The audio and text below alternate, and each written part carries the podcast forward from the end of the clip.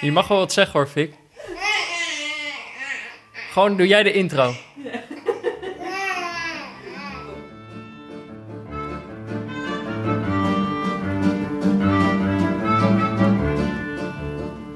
Лети с дороги, птица, зверь с дороги уходи. Видишь, облака клубится, конем мчатся впереди. Nu we tegenwoordig een eigen curator hebben die de wedstrijden voor ons uitzoekt, krijgen we nog mooiere uithoeken van het neutrale kijken te zien. Tallinn bijvoorbeeld. In de hoofdstad van Estland strijden Flora en Levadia om de koppositie. En dus schakelden we in op 2E-TV, Otse. Voor het land van Andres Auper, Ragnar Klavan en eh, ja, dat waren eigenlijk wel alle Estse voetballers die ik ken. Het was geen grote wedstrijd. Het stadion had maar aan één zijde tribunes en tijdens de wedstrijd kon je een autoalarm horen afgaan op de parkeerplaats. Maar zo toonde het voetbal zich van een heel andere, meer vriendelijke kant. Er was strijd, maar die werd beleefd gevoerd. We zagen twee enthousiaste ploegen, een spelbeeld dat heen en weer golfde en een penalty die de parkeerplaats opgeschoten werd. Even stil, geen autoalarm. Na afloop gaven de spelers alle aanwezigen een high five. Zaten wij daar maar tussen, dachten wij. Dan hadden we ze kunnen bedanken voor de gezellige middag. ja Tarmo, tõepoolest FC Levadia peatreener Aleksander Rogic minu kõrval. Mr Rogic, I don't want to rub it in of course uh,. Sorry uh, for your loss, but uh, you could have won the game if only you had scored from the penalty. Uljem jotaja tahanka, ja Jori. ja Peeter je mag nu weer Nederlands praten. Moet ik even omschakelen. Je, je moest, eh, jij hebt in een Engelse podcast een verhaal gedaan over Ajax. Well, verhaal, verhaal is een groot woord. Ja. Ik geloof dat het, het Skype-gesprek duurde een kleine vijf minuten. Mhm. Maar ik merk altijd wel dat... eh eh, vind ik lastig. Het was, Ja? het, was weer, het was weer een groter podium dan ik gewend was. Mhm. En dan, eh, dan, dan word ik gewoon een beetje nerveus van. Ik snap dat niet, want ik zit elke week hier... oh, nou ja, toch wel redelijk in de microfoon te ouwehoeren. Wel in Nederlands. Ja. Maar ja, dan ga ik er te veel over nadenken of zo. Dus eh, volgens mij, ze waren zelf zeer content. Hm. Ik, ik, ik, denk, ik denk dat ik beter kan dan deze eerste bijdrage. De Totally Football Show was het toch? Ja, ja. Eh, ik ben benieuwd. Enorme, een enorme Als- grote podcast eh, vanuit Engeland. Als, ik het, als het online komt, dan ga ik het luisteren. Ik ga het zeker met jullie delen. Maar Dan goed, hoop ik eh, dat jullie... Want ik heb afgelopen week heb ik ook nog voor de Noorse televisie... een interview Wat? gedaan op straat. Voor eh, Ajax Vitesse.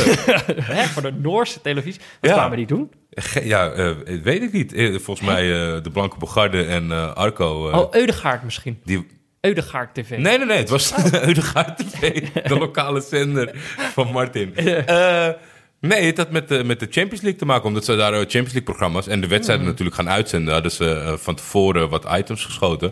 En of ik dat even wat wilde zeggen. Want Ja, de jongens hadden doorverwezen naar mij. Oh ja. Maar ik had toen, kijk, dat is makkelijker, hè? Dat ik twee biertjes op. ja, dan, dan praat ik ook Pools als moet. ja, maar dat is inderdaad... Ja, Noorse... Ja. We zijn opeens interessant geworden, ook voor Noren. Dat zal wel... We, Ajax. Nee, je, je, je merkt wel gewoon dat het eh, te maken heeft met het succes van Ajax. Dat Ja. eh, media andere dingen gaan zoeken. Nou ja, en dat ze zich toch zullen moeten gaan verdiepen in een ploeg... waar ze dat eh voorheen nog niet gedaan hebben. Ik was ook bij Ajax Vitesse trouwens. Ja, ik hoorde het. Ik, er was vlak voor de wedstrijd dat eh Melle Rundekamp, vriend van de show, had, eh, had kaartjes over. Dus die vroeg... eh, Kaartjes over, heeft hij een heel vak? Nee, Hoe- hoe moet ik het gewoon- nou ja, je kent me. ik weet dat heb het, niet, ik, het gaat goed met hem, maar ik weet niet dat hij gewoon hele vakken kocht. maar je kent me, ik heb niet een heel vak nodig. Eén stoeltje is, een half stoeltje is genoeg. Maar nee, hij had er twee over. Hij gaat normaal met zijn ouders. Maar die, die avondwedstrijden slaan ze tegenwoordig toch graag over, had ik begrepen. Dus toen mocht ik mee. Wel en Armen Hakverdian, ook, eh, ook vriend van de show. Ja, wij waren natuurlijk als een, als een kind zo blij dat we een keertje naar Ajax mochten. Ja. Armen zei ook meteen, dit ga je wel in de podcast zeggen. Dat, Oh. wij, dat wij bij Ajax Je hebt hier een belofte gemaakt Ja, die je op een leuke wijze inlost. moest wel. ik moest enorm lachen, omdat ik stond met, eh, met drie vrienden eh, voor een hele drukke poort. Mhm. En ik weet gewoon, omdat ik ze wel eens vaker meevraag naar de arena, dat twee, drie jaar geleden, dan zou je zeggen op een doordeweekse avond: hé hey jongens, zo naar Ajax Vitesse. En zo, oh, kan niet, of weet je. Ja, nu, precies. iedereen zei binnen een seconde: ja, leuk, ben erbij. Hoe laat? Het is gewoon, ja, iedereen wilde een soort van bij zijn op dit moment. Dat is wel heel leuk om te zien. Ja, nou ja, dat, is, dat mag ook wel een keertje. Ja. Toch? Mag ook wel eens. hey, de mensen die horen dat dit wat anders klinkt dan anders. Ja? eh, Geen noto-akoestiek. Nee, geen notige akoestiek. Ook niet de akoestiek van de studio waar we normaal zitten, maar de akoestiek van eh, jouw huis. Van mijn huis, ja. We zijn eh, noodgedwongen uitgeweken naar, eh, naar, naar Diemen. Ja, En dit is, kijk, dit is voor de luisteraars die de hele zomer hebben geluisterd over hoeveel platen asbest hier naar buiten getild zijn. En wat er allemaal kapot gegaan is tijdens de verbouwing. Is dit, is dit een mooi moment? Want we zitten hier gewoon in een prachtig af huis. dit is, dit is wat het geworden is. Dus ook qua akoestiek valt nu niks meer aan te doen. Ik dacht heel even dat ik misschien de- in de triptrapstoel van Vic zou moeten gaan zitten. Maar ik mo- mocht gelukkig gewoon op een normale stoel. hadden nog een normale stoel voor je. Maar eh, ik zag nog over Vic gesproken. Ja, Die wordt wel, hij is flink gegroeid. ja, ja, ja het, het gaat enorm. En eh, hij is wel de baas geworden hier in huis, heb ik begrepen. Over de televisie. Nou, vind ik het in dit geval niet, eh, niet heel vervelend. Want eh, hij heeft een voorkeur voor Turks voetbal. Ja, ja. Dus dat komt mooi uit. Ja, nee.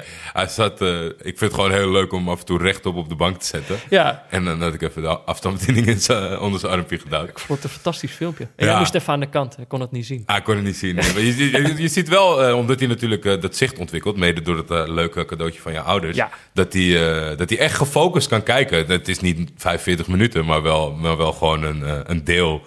En eh, ik heb daar En het de grootste goed. lol mee. Het gaat goed maar, met Galatasaray. Maar daar hebben we, het, eh, Ja, daar komen we misschien komen we straks nog nog wel even op terug. hebben we nog wat rectificaties daarvoor? Mee? Veel eigenlijk wel mee, eentje. Maar moeten we die doen? Ik vond een beetje flauw. Je bedoelt van Anne. Van Anne van Dag en Nacht Media. We hadden namens hem Mark van Bommel gefeliciteerd met zijn verjaardag vorige week. En die wilde die rectificeren. Hij wilde Mark Bommel niet feliciteren. Ja, klein, Anne, klein vind ik dat. heel klein. Je moet gewoon, weet je wel... Die man heeft, heeft, al, heeft het moeilijk zat. Hè? Die heeft op, op 28 kanalen verteld hoe kut hij het vindt dat hij 17 dagen moet wachten. Ja, snap ik op zich ook wel hoor. Denk je dat Anne een beetje water bij de wijn doet, trekt hij het in? Nee hoor, nee. Nou ja. Niet eens felicitaties. Er is nog een ander ding wat jij graag wilde zeggen? Nou ja, eh, ik, ik vind het gewoon wel leuk. Omdat, kijk, wij, wij moeten heel veel, in heel veel dingen moeten wij vertrouwen op Pieter Zwart. Ja, Of hij vertelt hoeveel mensen er abonnee wordt. Je merkt al bij de eerste was het heel uitbundig. En de tweede update was het ineens nummer 13 of 14 of zo, Ja. weet je. Dus het wordt wat lakser. Dus eh Barry eh, die mailde ons om te zeggen van... ik heb VI Pro genomen. Dankzij jullie. ja dat vind ik top. Dus ik eigenlijk, ja, doe dat allemaal maar als je het afsluit. Dan weten we het tenminste. Ja, nee, precies. En dan hebben we ook iets, weet je wel, dan, dan hebben we iets eh, om Pieter Zwart mee voor het blok te zetten. Ja. Als we iets van hem nodig hebben. En eh, Eh. ik bedoel, die tijd komt vanzelf dat we iets van hem Uiteindelijk komt dat wel weer. Dat komt wel. Hij had niet eens gastenluisplekken voor dat eh, dingetje wat hij Nee. gaat doen in de Bali. Ja, heb je wel kaartjes? Heb ik die al? Ik, heb- dacht het wel. Nou ja, want ik heb een kaartje. Ik, ik, ik dacht, ik moet hier snel bij zijn. Ik reken Ga je hem op. verkopen voor de deur op Ja, de zwarte ja, ja, ja. markt? Zwarte markt. Heel veel geld. Dus, het is namelijk uitverkocht. Het is ergens in mei een, een, een avond over de, de toekomst van het Nederlandse voetbal met Pieter Zwart. En Ja, met een allerlei oude bekenden. hele sterke line-up. Ja, en eh, vorig jaar was zijn boekpresentatie net als heel erg leuk. Dus eh, ik kan iedereen aanraden om erheen te gaan. Maar ja, het is dus Het kan al niet meer. Dus je kunt mijn kaartje kopen. Vanaf 800 euro eh, eh, ben ik bereid eh, te onderhandelen. Dus ehm, nee, ja, eh, we zullen zien. Nou heb ik Ik- afgelopen week een beetje eh, heel erg voorzichtig gedaan met het behandelen van eh, de ingezonden noten. Ja, Maar bleek, die, die bleken niet rechtstreeks uit de winkel ja, te dit, is- komen. oh ja dit is dan eigenlijk wel een, eh, een rectificatie. Hier moet ik misschien Ja. toch wel even door het stof. Is nou, het een rectificatie? nou ja wel, ja, wel voor die persoon. Er zat geen briefje bij dat het van een individu Nee. was. Nee, dat klopt. Maar het was uiteindelijk... eh, ik, ik vertelde vorige week nog dat ik door iemand gevraagd was hoe ik de noten vond. Ja, En eh, daar had ik toen een beetje zo lacherig op gereageerd. Dus diegene, die stuurde mij een paar dagen daarna... nadat hij de podcast had geluisterd, stuurde hij een berichtje. stuurde DM via Twitter. Hij denkt, ja, ik zei wel tegen jou... wie denk je dat die noten naar jullie gestuurd heeft? Het was dus die, dat was dus Johannes Visser. Die jongen die ook aan mij vroeg hoe ik ze eigenlijk vond. Dus dat was, daar viel het allemaal pas, eh, viel het puzzeltje pas in elkaar voor mij. Ik had op dat moment, toen hij dat vroeg, had ik helemaal niet de, dingen bij elkaar gebracht van, oh, hij is degene die die noten ook gestuurd heeft. Nee. Ik dacht, het is gewoon een heel betrokken fan die wil weten wat ik van bepaalde noten vind. Maar hij was nogal, hij was nogal pissig daarover. Hij eh, vond ook eh, dat ik een beetje ondankbaar was geweest in mijn oordeel over de noten. oh, Ik vond, eh, het was de, de cho- chocolade kaneel amandel. ja. ja, ik, ik zei, daar gebeurt te veel mee. Er is te veel, het is te weinig nood en te veel tierlantijnen. En eh, hij zei, ik zal de volgende keer wel gewoon wat droge pinda's opsturen. Wat, onge- wat ongezouten pinda's. dus eh, nou ja, Johannes, eh, graag vooral. En ja, excuses, ik heb toch mijn reputatie als... Ja, maar was Meest- zo, zomaar bijna een notenoorlog ontstaan zonder dat die andere Ja. partij er vanaf is. Nou ja, het was dus, oh ja, dat is inderdaad ook nog een punt. Tabaksnotenbar had niet zelf noten naar ons opgestuurd. Dat is gewoon een notenzaak bij Johannes in de buurt. maar ja, sorry Johannes dat ik, dat ik, dat ik je niet op prijs heb gesteld op tijd. Want ik, nou ja, ik heb mijn reputatie als meest onsympathieke host eh, wel weer waargemaakt. Ehm, maar verder viel er weinig te rectificeren. Nee, keurige show vorige week, denk Ja. ik. Ja, en ik ben ook, ja, ik ben ook nog eens de voetbalquiz vergeten. Oh, Ja, sorry. jammer. En vorige week ook al. Dus ik denk, ik moet nu Ja, gewoon beloven dat ik hem volgende keer weer meeneem. Nou, ik kijk er naar uit. En voorlopig, ja, voor mij mag je hem tot einde seizoen vergeten, want ik sta voor. Dan spelen we hem zo uit. Jij bent er de tijdrekker in. Ehm, maar eh, nou ja, we hebben natuurlijk deze week eh, weer een prachtige wedstrijd gekeken. Ja, Mensen die misschien naar de titel van deze podcast hebben gekeken... die denken, wat staan daar voor onleesbare woorden die ik niet ken? Ehm, nou ja, dat kan kloppen. We hebben namelijk een... eh, op aanraden van Michiel Jongsma, onze nieuwe... eh wedstrijdencurator. wedstrijdencurator. Die heeft zichzelf opgeworpen als de wedstrijdencurator. En we hebben dat eh, dankbaar geaccepteerd. Die stuurt ons allemaal per, per mail stuurt hij ons allemaal tips voor wedstrijden die we kunnen kijken. En deze keer had hij een tip voor de, de Estse Maestri, Maestri-liga. Mhm. Dus, dus de, e- de hoogste competitie in Estland. Ja. En daarin speelden twee ploegen in Tallinn tegen elkaar. Flora en Levadia Tallinn. Nou ja, en eh, wij, ik, ik moet zeggen, toen met de keuzemogelijkheden, ik was meteen verkocht. Ik zei Ja. vrij snel tegen jou, eh, ja, we hebben allebei een beetje dezelfde neiging om gewoon de raarste optie te als, kiezen. het, als het jou uitkomt qua tijd, Ja. eh, heb ik een sterke voorkeur voor Tallinn. Maar ja, wonder boven wonder is het nog gelukt om die wedstrijd te kunnen zien ook. Maar voordat we het daarover gaan hebben, natuurlijk een woordje van onze sponsor, Auto.nl. Ja, in dit blokje eh, van onze sponsor Auto.nl mogen we natuurlijk elke week de titel Auto.nl Speler van de Week eh, uitreiken. En eh, vorige week hielden we nog een slag om de arm. Leek er nog een vloek te rusten op de titel. Zo, maar zijn we er daar even op teruggekomen? Het is geen vloek meer. Het is een zegen tegenwoordig. Wat ik wou net zeggen, Ayoze Perez, de meest recente speler van de week, die maakte een doelpunt. Helaas won zijn Newcastle niet, want in de slotfase werd het nog 1-1. Eh, maar Hatem Ben Arfa. De eerste die, speler eh, van de week. De eerste speler van de week, die heeft eh, de, de, Belgische, eh, de Belgische, de Franse beker gewonnen. Ja, van En, Paris Saint-Germain. ja, mensen, heel veel konden erom lachen. Sommigen vonden het een beetje klein, maar hij heeft natuurlijk een lange uit- neus getrokken. uitgebreid de tijd genomen om het Paris Saint-Germain in te wrijven dat ze gewonnen hadden. Ja, kon ik zelf wel om lachen. En Joao Felix heeft niet gescoord, maar Porto heeft uit het niets punten laten liggen en Benfica staat nu koploper. ja. En eh, ja, dat, eh, dat leek me toch ook wel een positieve wending De- aan eh, Speler van de Week zijn. Het begint er nu op te lijken dat het, dat het dus inderdaad geen vloek is, maar een, een zegen. Absoluut. En, En, dus wie, wie mogen we nu gaan begunstigen met de, de titel Auto.nl Speler van de Week? Ja, ik probeer wel een beetje te spreiden door, door alle landen eh, die ik zelf voorbij zie komen. En meestal vind ik het dan nog fijn als ik zelf de hele wedstrijd heb gezien, als er echt iemand eh, op stond. Ja, je wil gewoon een, een, een, een goed oordeel geven. Ja, denk het wel. En afgelopen vrijdag was dat eh, best wel moeilijk kiezen, omdat ja, Fik had de afstandsbediening weer gepakt. Turks voetbal moest stoppen, anders stopte hij niet met jengelen. Dus ik zat ineens te kijken naar Başakşehir tegen Göztepe. Ja, ja. Dat leek een, een simpel te nemen horde voor de, voor de koploper. Eh, dat viel vies tegen, want uh, speelde eh, met een prachtig tactisch plan. Heel geduldig, heel geconcentreerd, mooie counters. En het werd 0-2. En daardoor werd- staan zij er nu goed voor in de strijd tegen degradatie. Want zij stonden onder de streep en zijn nu net boven de streep beland. En een van de helden, want er waren nog wel een paar jongens in vorm... maar dat was keeper Beto. Beto is 36... Is een oude Die heeft al heel wat, eh, wat clubs achter, de, achter zijn naam staan, toch? Ja, ja, die heeft een hele waslijst eh, aan, aan teams. Vooral in Portugal, bij Porto, Sporting en in het buitenland. Bij Cluj heeft hij nog in de toptijd gezeten. En eh, eh, Sevilla. Maar dat is... eh Göztepe is afgelopen seizoen gepromoveerd. En eh, toen werd, werd hij de keeper. En toen heeft hij al een aantal keer eh, eh, laten zien... dat hij gewoon nog ontzettend betrouwbaar... en eigenlijk gewoon een hele goede keeper is.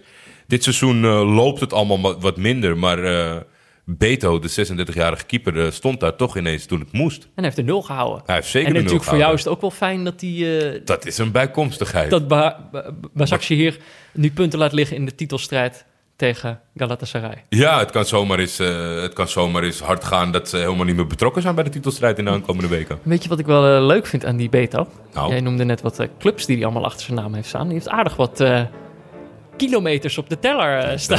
Dat is zeker waar. Maar hij doet het dus nog goed. Heel en dat, goed. En dat doet me eigenlijk toch een beetje, dat is een beetje toevallig, doet me toch denken aan auto.nl. Waar je nieuwe auto's kan kopen, maar je kan daar ook tweedehands auto's kopen. Ja. Die, kunnen dan, eh, die kunnen best wel wat kilometers op de teller hebben. Maar ze zijn altijd gecheckt, ze zijn altijd opgeknapt. Dus die doen het dan gewoon nog goed. Ze doen het goed. Dus- ze, ze doen het zo goed dat je er nog een jaar garantie op krijgt. ja, ik weet niet of dat bij Beto ook het geval was. Dat denk ik niet. Maar eh, ik, eh, ik snap waarom jij eh, deze gedachte had. Je, je auto kan een keeper van 36 zijn en het nog prima doen. Toch? Ja. Dat is de conclusie. Dus de auto.nl speler van deze week, en laat het toch echt een zegen zijn voor deze, deze Beto en geen vloek, is Beto. Antonio Alberto Bastos Pimparel. Volledig gezegd.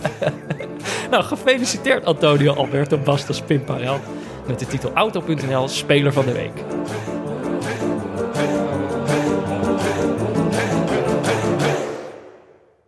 Gaan we nu naar eh Knols Koekwedstrijd van de week. Oh ja, oh ja, dat zou ik bijna vergeten dat die, deze, deze rubriek ook nog een andere naam heeft gekregen. Knols Koek. Dit is een, fam- een familiebedrijf in Koeken in Groningen. Ja, En, eh, die eh, voor de tweede keer in korte tijd met een eh, brand te maken heeft gehad. Oh ja, ja, ik begin telkens te lachen als het over het bedrijf gaat. Het was hebben natuurlijk een, een zware tijd achter de rug. Ik wil eigenlijk toch, nog steeds, dat wil ik toch iedere keer zeggen... als we toch hun, die rubriek naar hun vernoemd hebben... Ja. dan wil ik wel dat ze nog een keer een paar koeken opsturen. Koeken opsturen. Ik denk dat Knolskoeken. dat, eh, dat eh, moet eh, te regelen zijn. Maar de Knols Koek wedstrijd van deze week... dus uitgekozen door Michiel Jongsma, was de de- Tallinn Derby. de Tallinn Derby. Wij, hou- wij zijn dol op derbies, toch? Wij, Ja. wij kijken graag eh, naar wedstrijden vol rivaliteit binnen, binnen steden. En deze keer, of, of regio's, dat mag ook. De, maar deze keer was het FCI Levadia tegen Floria Tallinn, Flora Tallinn. Ja, en dat, dat zijn twee ploegen die, eh, mocht je een keer, eh, of echt gewoon zo graag willen gokken dat je in andere competities belandt, of dat je op livescore je zit te vervelen, dan kom je ze tegen. En dan Ja. weet je ook gewoon dat deze twee ploegen zijn buitenproportioneel beter dan de rest van de competitie. Ja. En, en ze hadden allebei alles gewonnen tot nu toe en allebei een heel positief dalsaldo. Doelsaldo, ja, maar de, de competitie is daar nog niet zo gek lang bezig. Dus Nee, ze hadden klopt. allebei zeven wedstrijden gespeeld. Dus we Ja. hebben alle zeven gewonnen. Eh, en nu moesten ze tegen elkaar. Dus te- vroeg in de competitie konden ze, konden ze een tik uitdelen aan de, de, Ja. de, de rivaal uit de stad. Eh Michiel Jongsma zei, ja, je hebt, eh, je hebt Levadia, dat is een beetje... Recentelijk zegt hij een beetje het Ajax van de Maestri-liga. Omdat ze Ja. al een hele tijd geen kampioen zijn geworden... maar toch nog steeds een, eh, een grote naam zijn. En eh, hij, hij had er ook wat spelers uitgehaald. Die, weet je, er staan allemaal spelers op het veld die je allemaal niet kent. Daarom was het wel leuk dat hij er een paar had aangewezen. Hij zei, je, je hebt uh, Jevin Boetnik bij eh, Levadia. Dat is, eh, die had een hele hoop keer gescoord. En eh, hij vond dat we ook nog op een paar andere spelers moesten letten. En dat waren Erik Sorga.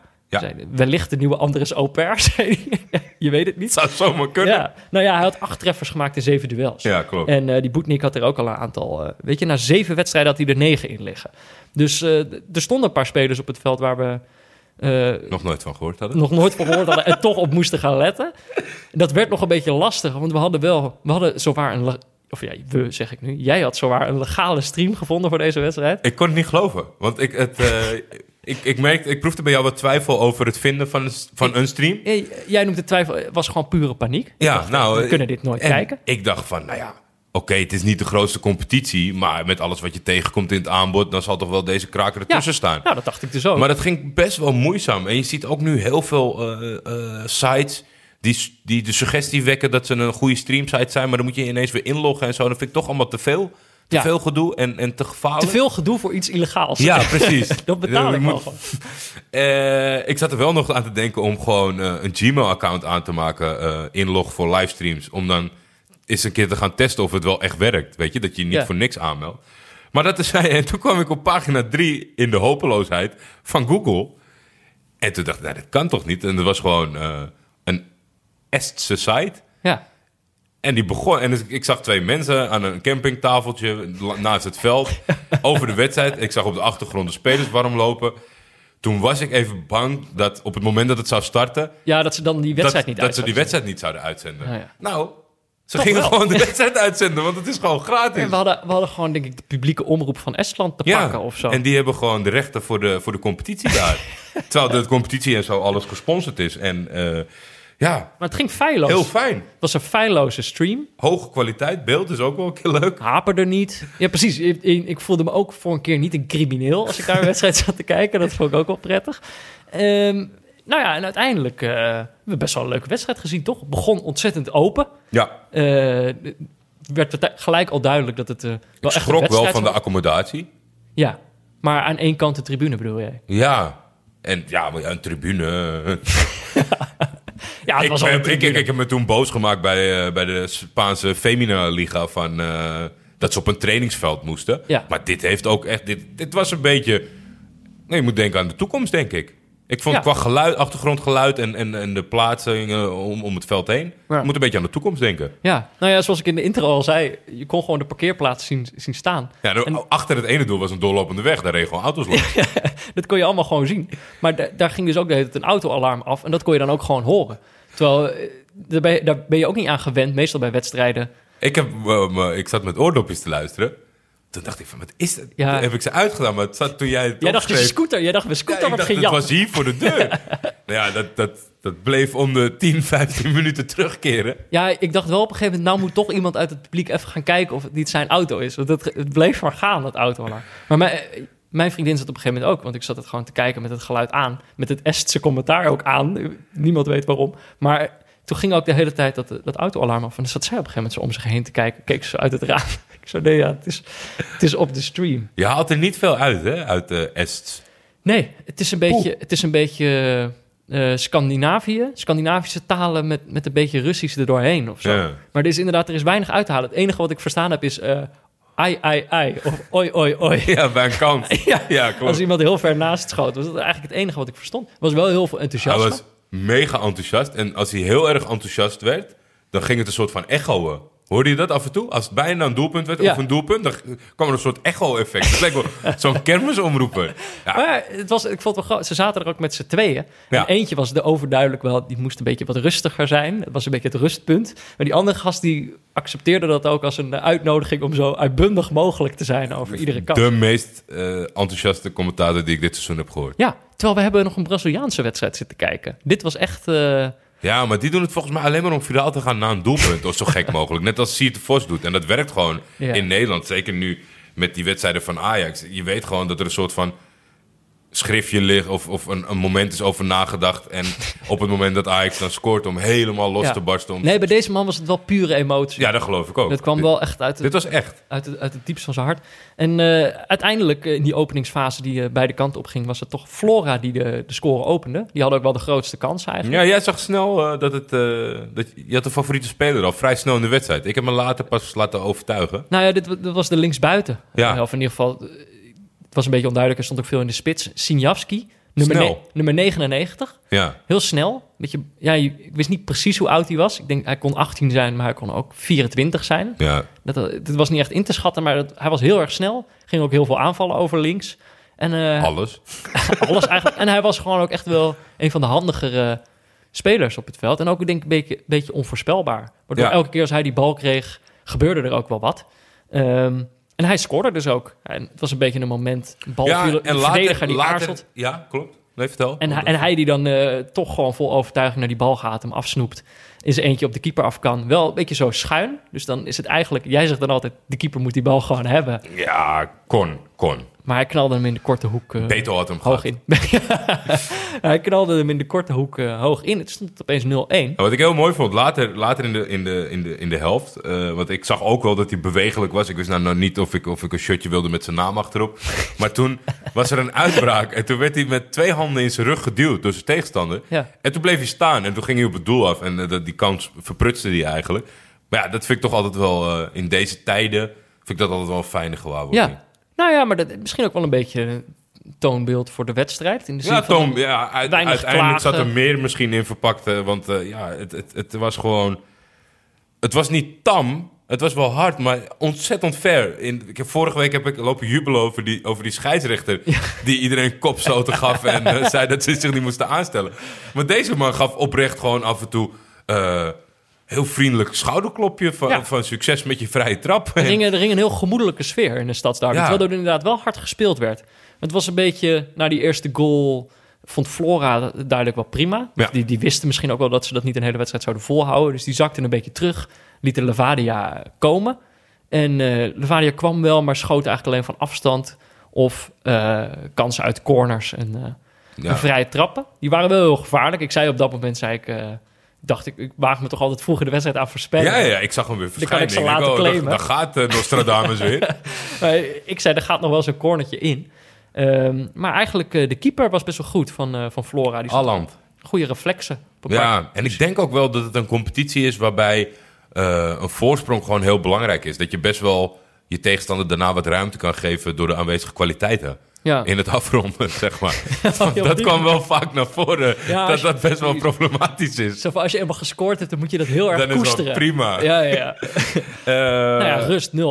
Eh, en eigenlijk eh, op dit moment... Kijk, je gaat zo'n wedstrijd in. Je kent die ploegen niet. Dus je moet eigenlijk nog inschatten. Je weet gewoon niet wie de beste is. Nee. En in de rust wist ik het eigenlijk nog steeds niet. Want na de eerste, eerste kwartier had ik gezegd... Nou, Flora gaat dit winnen. Ehm, maar ja, daarna leek toch Levadia... leek toch wel Klopt op de deur. Ja, die hadden toch wel op natuurlijke wijze de overhand. En dat ging in de tweede helft gewoon. eh, Ja, want verder. je voorspelling kwam nog wel redelijk in de buurt. Want de gelijkmaker zag eruit als een halve corner. Ja. Gozer kwam op de achterlijn eh, redelijk vrij na een passeeractie. Gaf een goede voorzet. En Roosnoep, Roosnoep Roosnoep kopte hem binnen. met dubbel P. ja. Die kopte hem binnen. Eh, 1-1. En, eh, en, en, en direct daarna, of nou ja, redelijk snel daarna. Levadia drukte door. toen, dan denk je eh erop en erover. Ja. Levadia gaat hier overheen. Eh krijgen we nog een penalty ook. Verdediger Belachelijke penalty. Ja, jij was het er niet mee eens. Ik, Ja, absoluut niet. Kuski hield gewoon... Ik vond het echt zo'n typisch moment waarin een verdediger gewoon iets heel doms doet wat hij niet moet doen. Ja, hij stond aan de verkeerde kant, daar ben ik het met je eens. Maar wat, ja, die spits had er wel echt alles uit. Ja. Eh, misschien, eh, eh, die kijkt ook televisie, dus eh, die ziet dat in de grote competities. En Andreev ging zeer gewillig naar de grond. Ja, Nikita Andreev. Ik dacht hem nog te kennen. Ik dacht, is dat niet ooit een... Is dat niet een groot Russisch talent van, van weleer? Maar er klopte eigenlijk maar één ding aan... aan Dat hij Russisch was. Dat hij Russisch was. Nooit echt een groot talent geweest, volgens mij. Ja, toen kwam er een, een persoon achter, eh, achter de bal bij de stip en dat was eh, Morelli. Ja, die stond achter elke bal eigenlijk. Elke corner nam hij, Ja. elke vrije trap. Hij had ook wel een beetje de uitstraling van, van laat mij maar nemen. Ja, ik, doe het wel. Ik zag eh, bij het opschrijven van de opstellingen. Eh, als je kijkt dat de meeste jongens Lepmets, Lip, Osipov, Kruglov en Peetson heten. Ja. Toen dacht ik, Morelli die komt niet uit Estland. Nee. Dus ik gooi hem even in Google. Toen, toen bleek het een Braziliaanse jongen. En ik vind dat zo... Elke competitie heeft een Braziliaan. Dat, is nog niet dat zo is, gek. Dat is zeker waar, dat is niet gek. Maar ik, ik- mijn probleem is nu een beetje dat ik een vraag heb... waarvan ik weet dat ik nooit het antwoord ga krijgen. Want Morelli luistert niet. Hij spreekt sowieso geen Nederlands, dus dat wordt moeilijk. Ja. En ik denk dat niemand van onze luisteraar Morelli persoonlijk kent.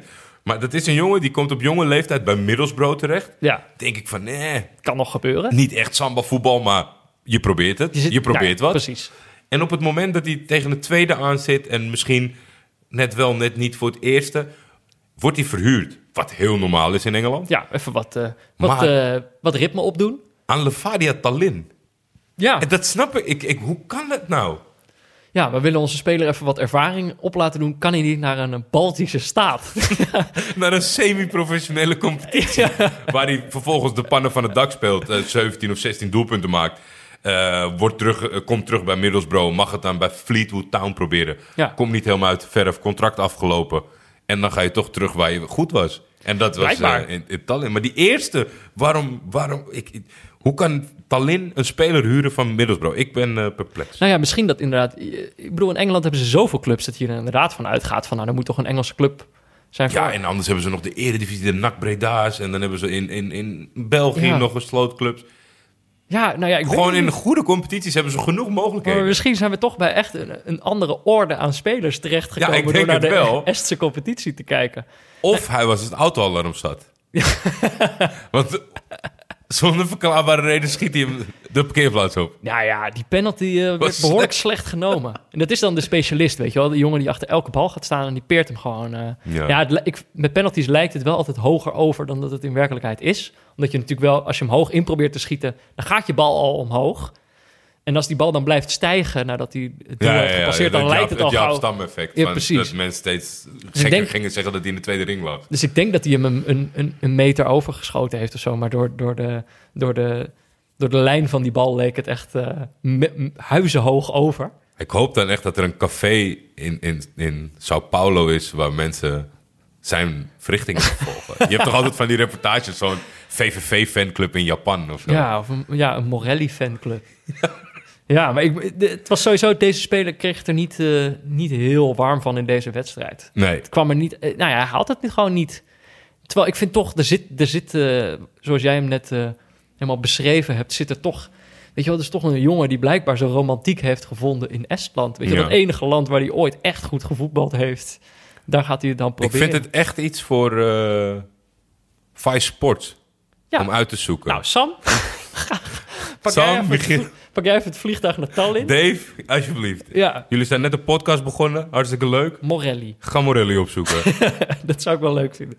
Maar dan weet je al hoe laat het is natuurlijk. Als je hem zelf niet maakt, Dan eh, eh, valt hij aan de andere kant. dan krijg je hem tegen. En dat, eh, dat was ook nog eens zo. Degene die in de fout ging bij die penalty, eh Merten Kusk, Kusk, Kusk die, eh, die kopt uit een corner. Dus het was wel een corner, maar niet van Levadia, maar van, van Flora. En wat er dan gebeurt, geloven jullie nooit. Ja, jij, jij gelooft het vooral niet. Ik, ik denk, merk op dat soort momenten dat ik toch echt wel, nou ja... Ja, maar lager- juist, juist dit moet herkenbaar voor jou zijn, omdat dit op geen enkel niveau kan. Niet waar ik voetbal, niet waar jij voetbal. Ja. Er is zeg maar een corner en dan gaat er iemand gaat bij de keeper staan. Ja, Dat levert niet zo heel veel op. Maar dat is iemand een- van de aanvallende ploeg ja, bij de die keeper. moet hem een beetje verhinderen. En dan gaat de keeper altijd heel druk doen naar de scheids. Ja. En hij krijgt hulp van een ploeggenoot die tussen jullie in gaat staan om je een beetje weg te duwen. ja.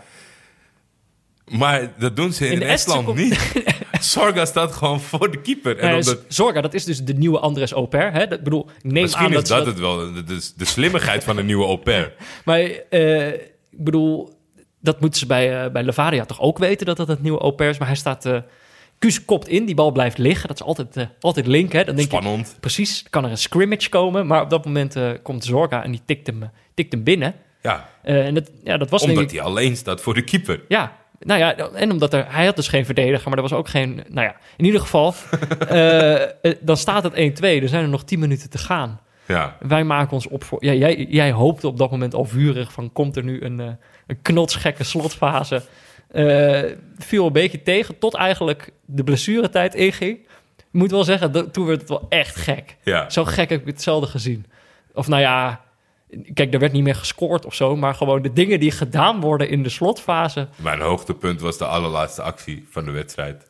Toen gaat Flora Tallinn gaat op de counter, omdat eh Levadia zo aan het aanvallen was met 3 tegen 1. Ja, En die jongen rent richting de 16 meter gebied, heeft twee afspelmogelijkheden en kan zelf gaan. ja. En die slaat zo naar links af richting de cornervlag. Hij dacht... gewoon- Hij ging op de keeper af. Hij dacht, ja, wat nou als ik hem mis? En hij dacht, nee, weet je, ik ga Gaat gewoon mij tijd niet rekken. gebeuren. Nee, ik ga gewoon tijd rekken. Ja, dat was een opvallend moment. Ja, wel, een goede, wel een goede inschatting, want de, de, de scheidsrechter vloot wel meteen af. ja. Eh, En Flora dus gewonnen. Ja, ik zou zo toch zeggen, uiteindelijk, als je heel de wedstrijd bekijkt, een beetje toch wel tegen de verhoudingen in. Dat hebben ze heel slim gedaan. spelletje was terecht geweest. Ja, ja, zeker. Maar Maar daarna kwam ook nog zo'n mooi moment van de Edste competitie. Is dat de trainer vrijwel direct na de wedstrijd werd geïnterviewd van Levadia. ja, En dat was zo vriendelijk en voetbalinhoudelijk. Echt twee dingen die je zelden ziet in de, in de eh, Ja. Nederlandse voetbalmedia. het is toch, als, als, als voetbal iets kleiner wordt, of iets kleinschaliger en iets minder professioneel, dan wordt het ook al heel gauw vriendelijker. Ja, ik weet niet of dat altijd opgaat. Je ziet ook verschrikkelijke beelden terugkomen uit de. Amateurvelden, ja. Maar ja, hier was het toch. eh, nee, misschien juist dat het juiste mate van professionaliteit heeft, zodat mensen zich nog wel gaan Ja. gedragen. Maar inderdaad, die, die interviewer die, eh, die begint dan gelijk, die zegt gelijk: ja, sorry, ik wil het er niet in wrijven. Tegen die trainer van Maar er had meer in gezeten. Ja, als je die penalty had gemaakt, had je waarschijnlijk wel gewonnen. Ja. Eh, daar, daar begint ze mee. Maar eh, eh, daar, daar komt vervolgens, ja, dat was gelukkig in het Engels. Dus dat was eigenlijk het enige wat ik Ja, kon dat verstaan. andere, andere interview van de winnende trainer heb ik over moeten slaan. Ontging mij een beetje. ik spreek het Ests nog niet zo heel goed. Maar nou ja, eigenlijk al met al was dit gewoon een, een heel gemoedelijk, eh, gemoedelijke derby met leuk voetbal, toch? Of nou ja, voetbal dat slecht genoeg is om leuk te, leuk Ja. te zijn. Ja. ik had opgeschreven... Het is gratis, het is positief, het is klein, het is lief. Een derby als geen andere derby. Ja. Als je op zoek bent naar een gezellige middag... kijk soms eh, ETV2 en pak een potje mee uit de Jalpali Premium Liga. ja, het was een beetje alsof je soms als je, eh, als je je verveelde... dan dacht je van nou, ik ga gewoon eens een keer bij een wedstrijd van een plaatselijke amateurclub kijken. Zo Ja. voelde het. En dat Ja. dan opeens En heel zijn ook gewoon, het, weet je, Er zijn vast van die momenten dat je op de bank ligt... en dan maakt het niet zo heel veel uit. Ik zet wel wat voetbal op... en dat, het dan gewoon, dat je naar niks zit te kijken uit de hoogste competities. Ja. Dan denk ik dat dit voor zo'n luie dag een leukere oplossing is. Nou ja, en je kunt je gewoon eens een keer verwonderen over hoe het, hoe Ja. het er in Estland aan toe gaat bij een wedstrijd. En dat ze gewoon precies hetzelfde deuntje hebben bij autoalarmen. Precies, de autoalarms daar zijn helemaal niet zo anders als hier. En ze geven gewoon na de wedstrijd iedereen een high five. ja, die gaan gewoon persoonlijk de tribune langs.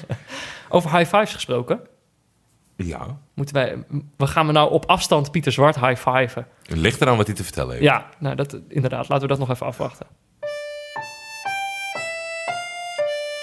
Kijk een pressing. Kijk een pressing.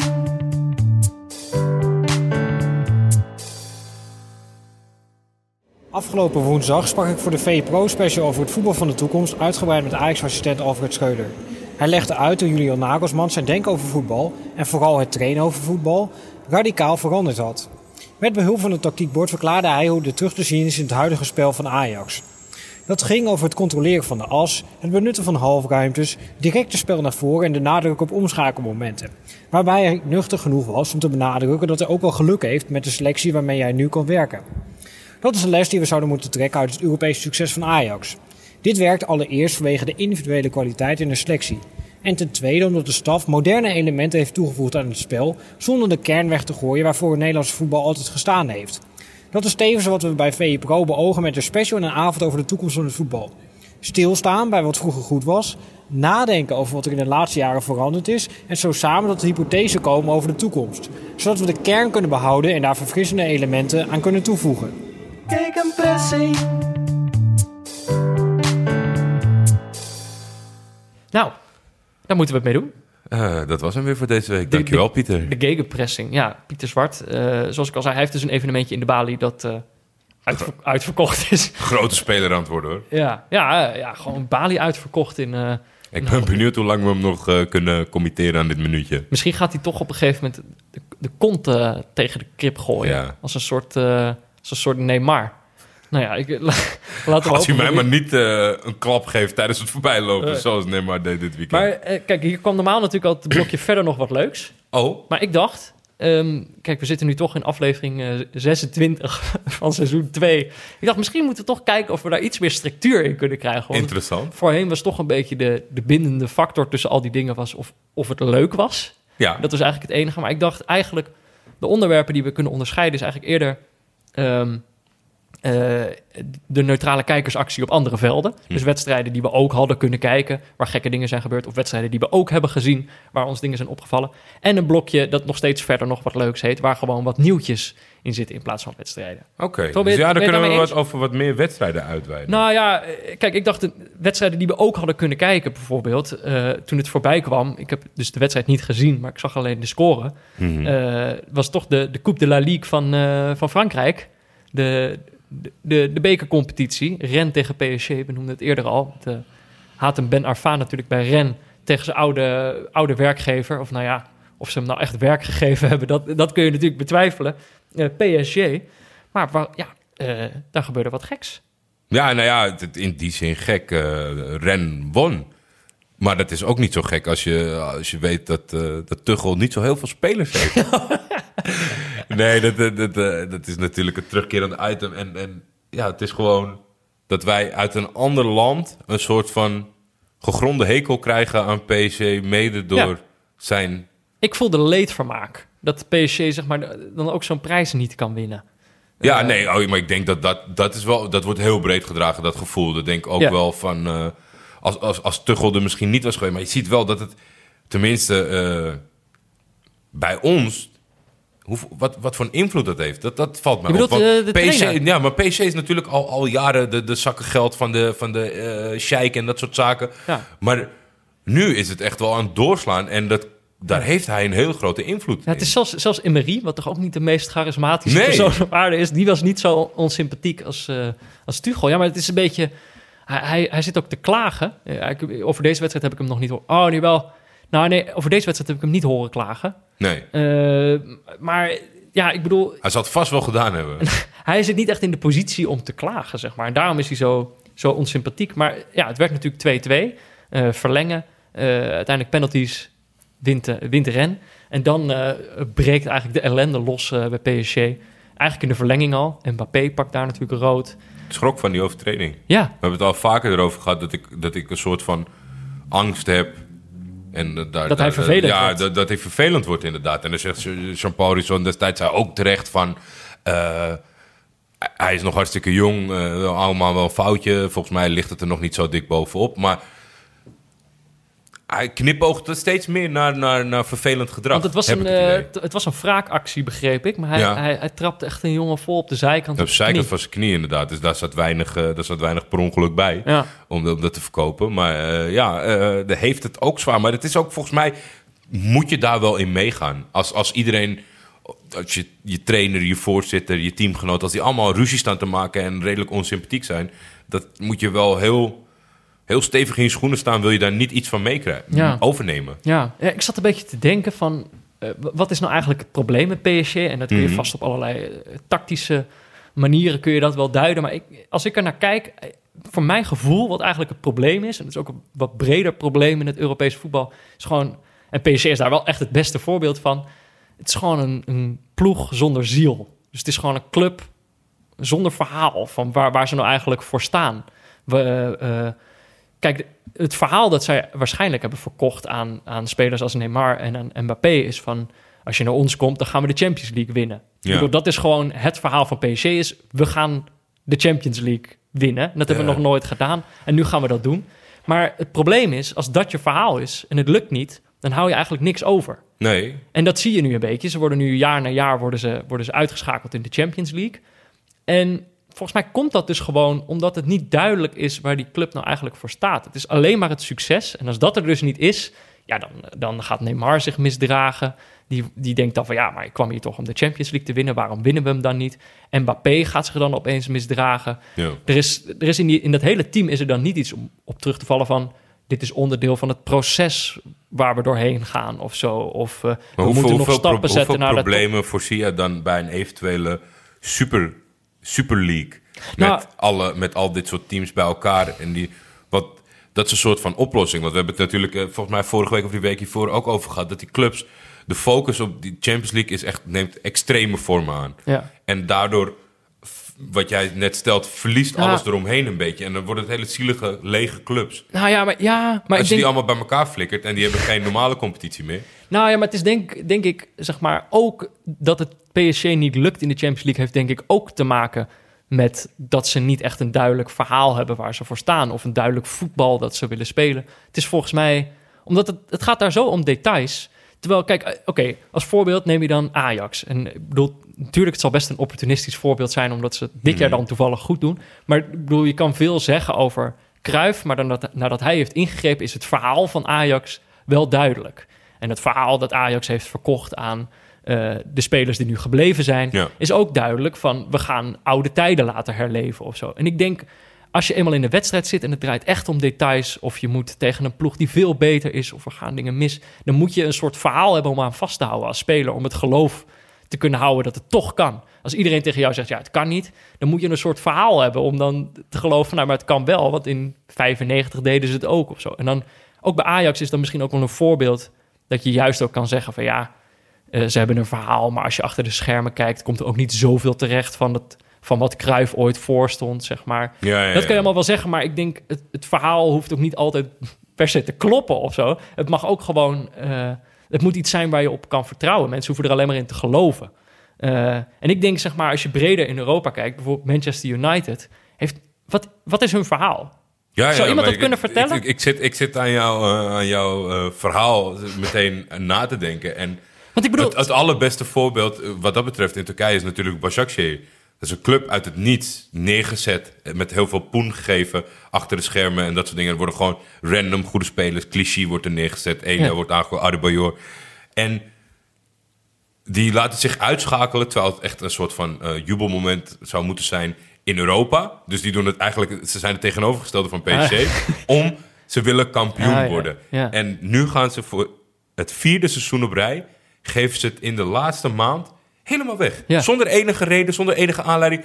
Die ploeg is, die, die stort elke keer Ja, de- mentaal in. En de tegenstanders, die allemaal teruggaan tot, tot, tot, tot, eh, tot begin 1900, die een verhaal hebben en trainers die zeggen van eh, mei is onze maand en eh, wij in, in bekers, prijzen zitten in onze genen. Ja. En dat mentale spelletje nekt ze elk jaar. Ja. Omdat zij niks hebben. Ze hebben geen verleden. Nee, precies. Maar ik denk alsnog kan je wel, ook al heb je geen verleden... Want heel vaak komt een verhaal wel daardoor. Doordat je gewoon een rijke geschiedenis Ja, hebt als club. En dan kun je daar aan vasthouden. Maar ik denk dat je ook... er- Het is vast wel mogelijk om een, om een verhaal te verzinnen waar mensen in geloven. Om gewoon een nieuwe traditie te creëren. Waar Zou jij het verhaal van Paris Saint-Germain willen schrijven? Waar Nou, ze zich volgend jaar aan willen ja, vasthouden? ja, nee, nou, nee ja, kijk, kijk, het verhaal dat nu ontstaat is dat het de club is die graag succes wil en het niet krijgt. En dat is volgens mij, ja, ik bedoel, dat verhaal moet je al helemaal niet Nee, hebben. dat moet je niet nastreven. Maar kijk, eh, wat ik ook al noemde, Manchester United. Het is compleet onduidelijk. En dat is volgens mij echt een duidelijke club die daar echt al jaren mee worstelt. En Ja. daarmee zal moeten gaan dealen voordat ze weer een topclub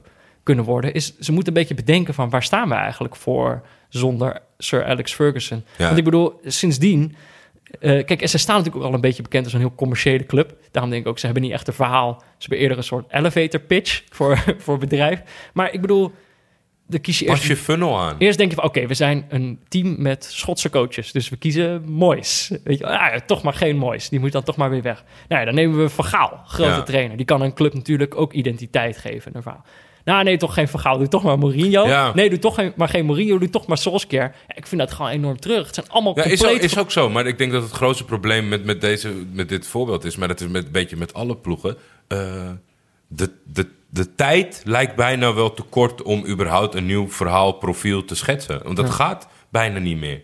Want niemand heeft uiteindelijk het geduld. Elke keer als ze zeggen van nou, we gaan voor deze trainer. Ja. Hij mag zijn fouten maken en dat soort. Als het heel penibel wordt, houdt toch niemand eraan vast. Maar het is toch, ik, dan hoop ik toch echt, en dit is misschien echt wel een ijdele hoop, maar als je naar, naar de Champions League kijkt, weet je wel, Ajax is een, een ploeg Ja, die heeft vastgehouden aan beleid. niet- Tottenham, niet heeft, gebeuren. Tottenham is een club die niet per se meedoet in de, op de manier waarop alle grote clubs het doen.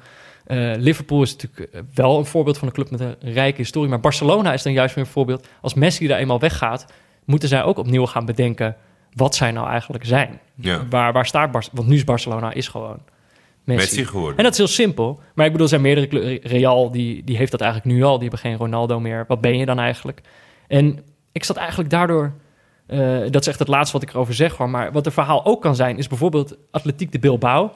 Echt, we hebben het daar eerder over gehad. Weet je wel, die, die nemen alleen is het mooi of is het eng? Is het mooi of is het eng? Ja, die nemen alleen spelers uit de regio. En het is een soort bizarre, eh, zelf opgelegde transferban of zo. Ja. Van, ja, we mogen niemand kopen alleen als ze uit de buurt komen. Of we moeten ze zelf opleiden.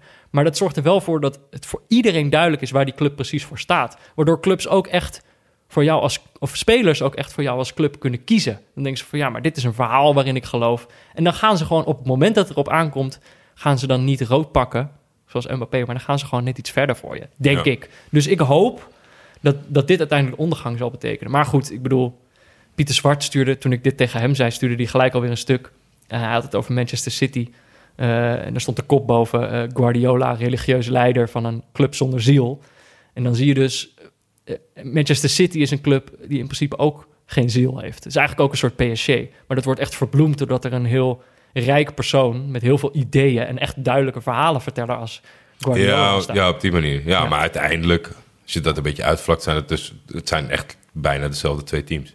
Alleen met Ja. City het nog moeilijker om de titel binnen te halen. Dat is het enige verschil nog wat overgebleven. Want in Europa willen toch ook niet Nee. steeds tegen ook tegenstanders... dat je denkt van, nou, zou je moeten kunnen winnen. Dus dat zit toch ook eh, bij die religieus leider uh, Hey, maar over- tussen oortjes. Over religieuze leiders gesproken. Der Huub.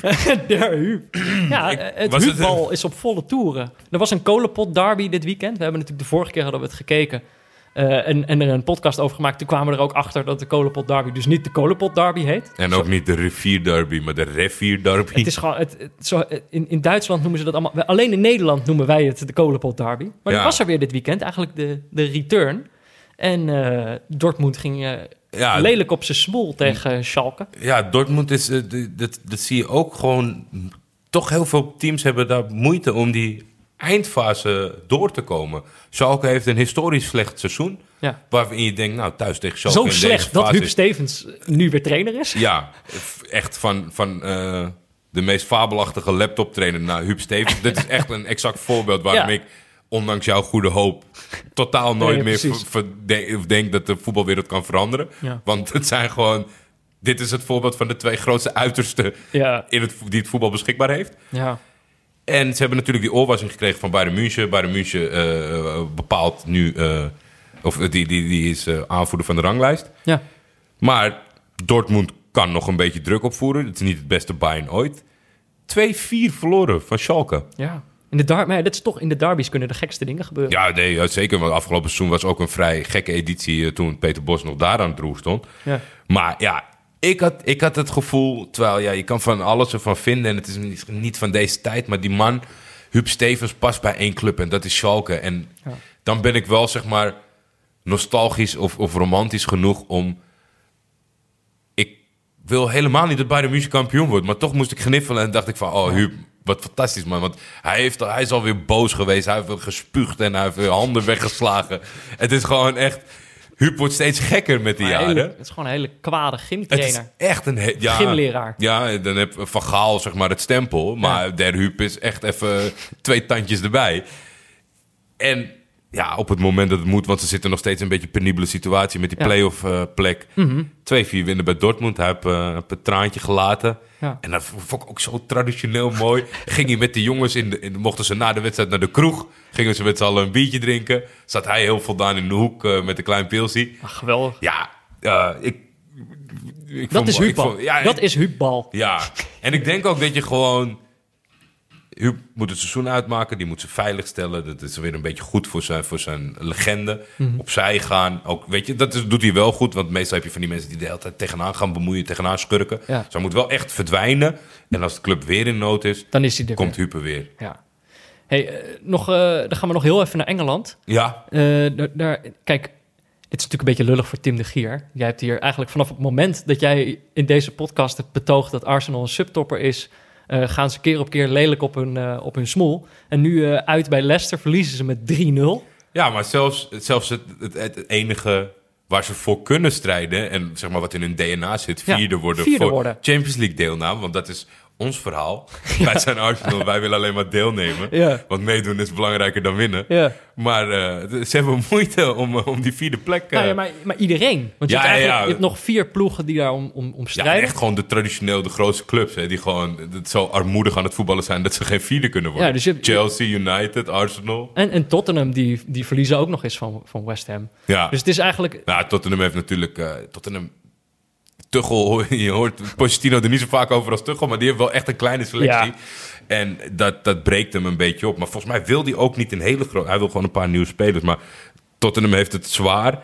Daar liggen ook wel, denk ik, de kansen... eh, voor de Amsterdamse deelnemers van de Champions League. Omdat zij gewoon een beetje moe zijn.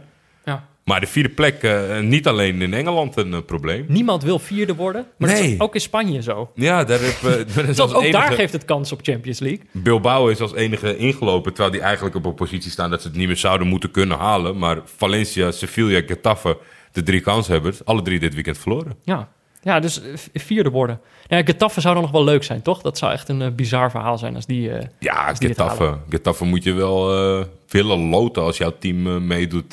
ja, het zou wel leuk zijn. Die gun ik het dan eigenlijk nog wel het meeste. Ja, of toch ook Bilbao. Omdat die een verhaal hebben, weet je nog? dat heb ik zojuist zitten betogen.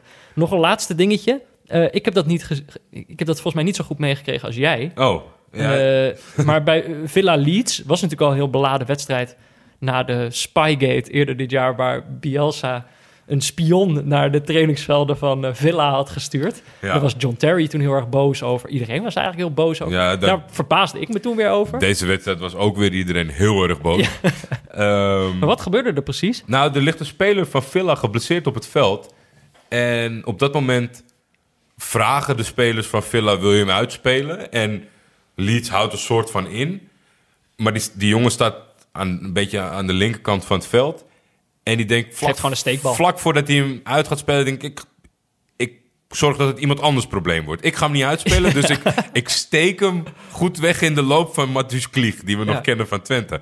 En Klieg die kapt en draait en schiet hem in de verre hoek. Schiet hem gewoon heerlijk binnen. Schiet Ja. strak binnen. Maar terwijl eigenlijk eh, die, tegenpartij, die, eh, Ah, ik- Villa, eh, die had al zoiets van ja... we- Ja, ik vind het een moeilijke situatie. Omdat ik het... Ik, ik vind het eh, storend als, als mensen... de- de- heel veel teams maken er misbruik van. Blijf even liggen, tijd rekken, Ja. balletje uit, balletje terug, tempo uit de wedstrijd. ja, dus soms ik heb je ben er een ik- nadeel van om, om sportief te zijn. Ja, precies. En, en die balans is natuurlijk heel moeilijk. Alleen wat hier helemaal fout gaat, is dat soort dingen moet of één iemand moet opstaan in het elftal die zegt Ja. van jongens, wij werken hier niet aan mee. Of van tevoren bepaal je als team, wij zijn onsportieve klootzakken. Of tenminste, wij gaan het zelf bepalen of we uitspelen of niet. Dit hing een beetje ertussen en daardoor werd Villa woest. Maar het gekke gebeurde eigenlijk pas na die goal. Na die goal is volgens mij vijf minuten stilgelegen. Ja. Omdat iedereen... eh, Vechten, vechten, vechten. Patrick Bamford eh, die, die maakt een afschuwelijke duik naar de grond. Omdat eh El Ghazi... Want zo ben ik eigenlijk gaan kijken. Want ik zag dat El Ghazi rood had. Ik denk, nou, moet toch wel heel bond lopen. Dat is de liefste jongen, denk ik, in het voetbal. Ja. Dus ik kijk, ik zie dat moment. Hij draait zich weg omdat die tegenstander... Oh, dat fragment heb de ik ook tegenstander pakt hem bij zijn schouders. Dus hij, rukt zich los. En die tegenstander die ernaast staat, die er niks mee te maken heeft... die grijpt eh, naar zijn gezicht en valt ter aarde. Maar die zal wel geseponeerd worden, toch, die kaart? Ik bedoel, hij, hij Dat verwacht ik wel, dat verwacht ik wel. Ze hebben natuurlijk op dit moment geen VAR. Nou, volgend seizoen hebben ze in de Championship nog steeds geen VAR. Eh, Maar daarna geeft Bielsa die geeft zijn, zijn ploeg de opdracht om een goal weg te geven. Ja, en dat komt ook dan weer een beetje... Dat doet hij niet onder druk van Terry. Maar Terry wilde ook weer ruzie met hem maken langs de kant van dit is een schande en bla bla bla. Dus hij wilde de doelpunt niet, Bielsa. Alleen was daar Johansson, de Ja. centrale verdediger van Leeds. En die wilde hier weer niet aan meewerken. Die wilde weer niet meewerken aan het weggeven Die had, die het goede, die, had het, die had de goede genen, maar zijn teamgenoten niet. Dus die was echt overrompeld dat zijn teamgenoten die jongens voorbij lieten lopen. En toen was hij te laat om die gozer neer te halen. Want hij wilde echt... Die jongen die mocht scoren, want de keeper stond niet eens op zijn doel. Ja. Die wilde die nog tackelen. En die was daarna ook minutenlang niet te houden. Die was boos op iedereen. Maar ja, dat is, ergens snap ik dat ook wel. Maar het is zo bizar. Daarna kun je toch ook helemaal niet meer voetballen. Hoe lang moesten ze nog door? Het was niet zo, het was wel redelijk in de slotfase dit. Maar dat- daarna werd er volgens mij weer... Ik zat ook eh, de derby van Talent te kijken. dus ik heb niet... eh, het, het slotstuk heb ik niet. Maar de kans is zeer aanwezig als beide ploegen winnen... dat ze elkaar treffen in die promotie eh, om Oh, naar de... God. Dan wordt het nog de- beladener. Ja, naar de Premier League. Gelukkig is het op neutraal terrein. Ja. Maar dat wordt, eh, dat wordt er wel eentje om in te schakelen. Hmm, die, ga- die, schrijven we alvast op. Of nou ja, niet dus. Al- Als ze elkaar treffen, dan schrijven we die op. Ja. Lijkt me wel leuk. hey, dan zijn we nu bij het blokje verder nog wat leuks. Oké, dit zijn alle randzaken. geen, wedstrijd, eh, geen wedstrijd. Wat nieuwtjes. Nou, laten we dan beginnen met het, het weggeven van het VI Pro artikel van de week. En dit is iets... Eigenlijk al, al meerdere weken worden hier, hier af en toe berichtjes naar ons gestuurd. Ja. We hebben natuurlijk aardig wat, wat Belgische luisteraars. Wat Vlaamse luisteraars neem ik aan. Ik weet niet of die, die Walen ons kunnen verstaan. Ja, Maar ehm, eh, er is daar natuurlijk een hele situatie met de, de operatie Propere Handen. ja Waarin, we eh, hebben er eerder geattendeerd eh door uh, non-nunensens. Ja. Non-nunensens. Ik weet ook niet. Ik dacht eerst dat het no nonsense, no nonsense was. Maar het is no nunenses. Nee, die, die stuurt wel vaker dingen on- naar ons. Ja. die stuurde een soort draadje over de bizarre situatie waarin de Belgische competitie zich nu bevindt. Het komt er eigenlijk op neer. Er wordt nog een uitspraak gedaan in die operatie propere, hand, propere handen.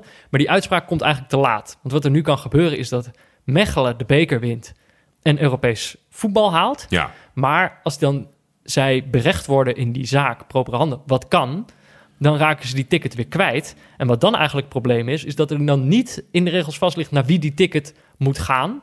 En eh, naar wie die zou kunnen gaan, die is dan al bezig om playoff wedstrijden te spelen, die ze dan dus niet zouden hoeven spelen, omdat ze dan die tickets zouden krijgen. Dus eigenlijk het, het probleem eh, eh, wa- waar zij het over hadden was eh, dat de Belgische voetbalbond die uitspraak zo laat doet, dat straks die hele play-offs overhoop ge- gegooid kunnen worden. ja. En dat, het, dat er dan in juli ergens nog een wedstrijd gespeeld moet worden om wie die ticket krijgt. En waarschijnlijk moeten ze dan heel kort na juli die wedstrijden ook alweer gaan spelen. Het is gewoon een beetje eh, puur qua planning een beetje een bende. Ja, ik denk, ik denk sowieso in, in eerste instantie een aanrader, denk ik, om, om in ieder geval als je dat nog niet doet, per heden in te schakelen bij Shotcast. Ja. De Belgische die snappen dit podcast, allemaal beter dan wij. Die, die, die gaan eh, meer informatie geven, maar er gaat dus ook nog een heleboel gebeuren. En ja, ik, ik kan toch niet anders zeggen. En dan eh, zullen ze in, in, in België allemaal termen voor hebben voor dikke nekken en dat soort dingen. De Nederlandse arrogantie. Maar dit hele, dit hele draadje las ik als van, dit, dit vind ik Belgisch voetbal. Ja. Dat, Dat het gewoon nog... Dat, er- er zo'n heerst bende wordt. zoveel onduidelijkheid Ja. op dit moment.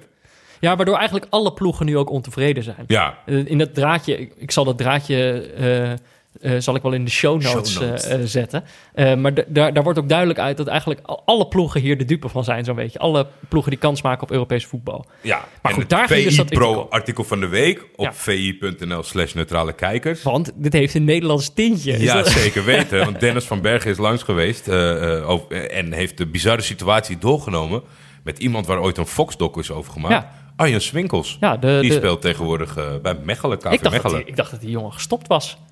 Die jongen, ja, dat is gewoon... Toch? is Ja, die, is eh, inmiddels eh, is hij wel van eh, eh, eh, leeftijd, maar die is ja, redelijk stilletjes vertrokken naar België. Maar volgens mij op het, sinds hij daar eh, actief is, gaat het helemaal mis? Nee, nee, gaat, het, ju- gaat het juist wel goed.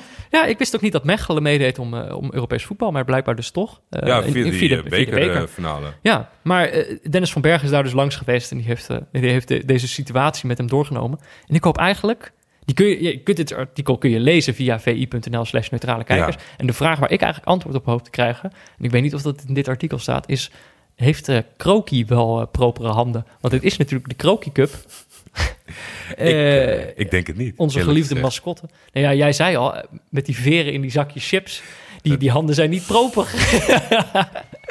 maar ja, nee, dit is echt een totaal bizarre situatie. Dus eh, op zich een, eh, een interessant artikel om te lezen. Ja, je hebt nog meer interessante artikelen gelezen. Oh ja, week, hè? ja, ik dacht het is goed om dan ook altijd een tip te geven die niet te lezen is via vi.nl slash neutrale kijkers, maar waarvoor je gewoon een abonnement moet afsluiten. Ja. Eh, en dat is een artikel dat ik wel leuk vond, ging over Norwich.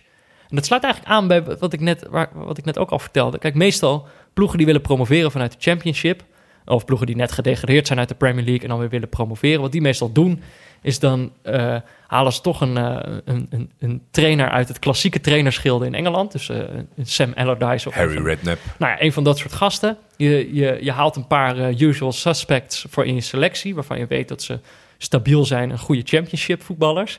En dan die, die betaal je allemaal ontzettend goed. En dan hoop je dat je dan gewoon in één, één seizoen weer promoveert. Maar dat gebeurt bijna nooit. En wat er dan gebeurt, is dat die ploegen zichzelf meestal diep in de nesten, financiële Ja. nesten werken. En dan krijg je Sunderland en Portsmouth, weet je, of van die ploegen die heel ver Totale instorting en Ja. financiële debakels. ja, maar dit, dit gaat dus over een ploeg die dat niet gedaan heeft. Norwich. Eh, ja, ik wist eigenlijk niet zo... We hebben die ploeg natuurlijk bekeken dit jaar. Ik heb nog een keer wedstrijd van hun zitten kijken. Ehm, maar eh, toen was dit achtergrondartikel er nog niet. Ik vond het, eigenlijk wel, vond het wel interessant. Slecht getimed dit VI Pro. Maar ja, ze zijn natuurlijk ze zijn net gepromoveerd. En het is, eh, het is een wat ander succesverhaal dan, eh, dan de meeste keren uit de, de championship komt. Want ze hebben daar een, een, Duitse, Varka. een Duitse trainer... Die, die trainer bij Dortmund was ten tijde van Jurgen Klopp, zijn heerschappij daar. Ja. En, en, en nu dus ook naar Engeland gegaan is om Norwich onder handen te nemen. En de eerste, eerste jaar ging dat niet zo goed. Toen waren ze aan het saneren met salarissen en eh, moest hij het doen met een, eh, met een, met een kleine selectie. Maar eh, inmiddels is dat toch een behoorlijk succesverhaal geworden. En nou ja, ik, in dat artikel vond ik dat heel interessant. Dus als je zin hebt om dat te lezen, neem vooral een abonnement. Het staat vol met interessante verhalen. Als je dit luistert op dinsdag, vanavond is Ajax. Nou, er staan ook alweer een hele hoop Ajax-stukken. Ja. Dat, dat soort dingen zijn lekker. Je kan je altijd een beetje zo lekker warm maken voor zo'n... ja, en je hebt een goede mening in de kroeg. Ja, dat is natuurlijk dat is een mooie bijkomstigheid. Dat is een mooie, fijne- sier, mooie sier maken met de stukken van Pieter Zwart en co. Eh, ik zag wat voorbij komen wat ik zelf wel leuk vond en eigenlijk uit onverwachte hoek kwam.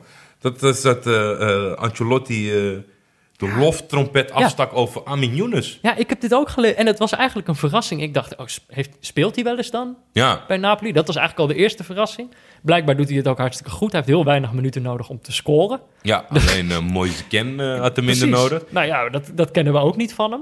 Nee, nee, nee. Hij is, eh, blijkbaar eh, is het spel van Napoli eh, past eh, ontzettend goed bij hem. En hij zag een grote rol voor hem als hij een, eh, als hij een volledig seizoen, bijvoorbeeld aankomend seizoen, gaat spelen daar.